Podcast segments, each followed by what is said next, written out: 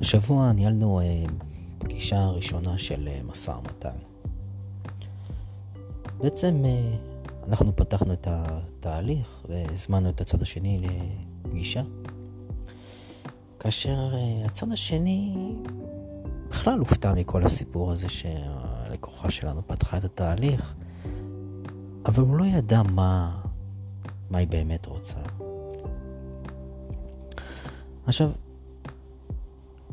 ישבנו בערך 25 דקות. זו מה שלקחה כל הפגישה. פגישה מרובעת, אה, שני הצדדים ושני עורכי הדין. ובפגישה הזאת אה, הסברנו בצורה מאוד ברורה ששינוי חייב להיות. השינוי אומר שבמצב הדברים הנוכחי לא נשארים.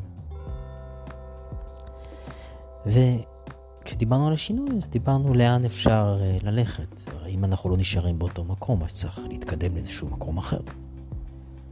דיברנו על כך שיש אופציה אחת שמתגרשים, וזה בסדר גמור.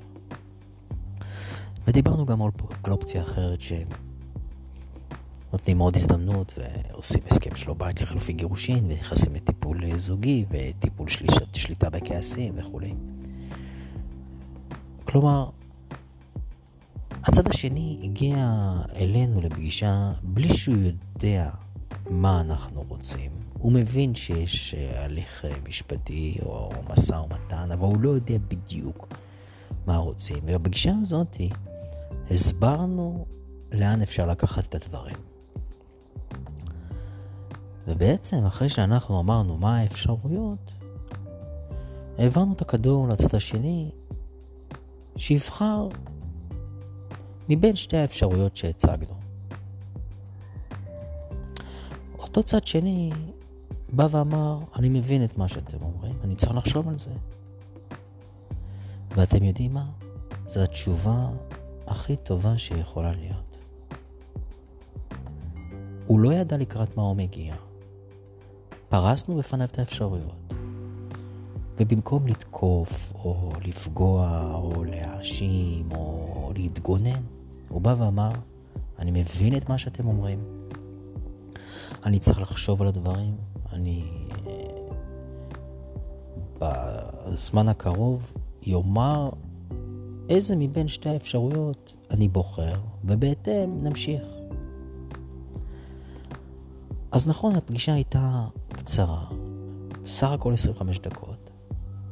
צד אחד בא, נתן את העמדה שלו ואיך הוא רואה את הדברים. הצד השני הקשיב ואמר, רגע, אני צריך קצת לחשוב על הדברים. ואתם יודעים מה? זה נפלא. אגב, זה מתחבר לדברים שדיברנו עליהם בעבר, שמשא ומתן טוב בתחום הזה של גירושין, זה לא בפגישה אחת. משא ומתן טוב בגירושין לוקח כמה פגישות, וההתקדמות יכולה להיות גם בביסים קטנים, זה בסדר גמור. זה בסדר גמור. אה, זהו, אלה הדברים להפעם. תזכרו, זה בסדר להגיע לפגישה, זה בסדר להקשיב, זה בסדר לשמוע, וזה גם בסדר גמור לבוא ולומר, הבנתי, אני צריך לחשוב על הדברים, בואו נקבע פגישה נוספת. זהו, עד כאן. היו טובים, כל טוב.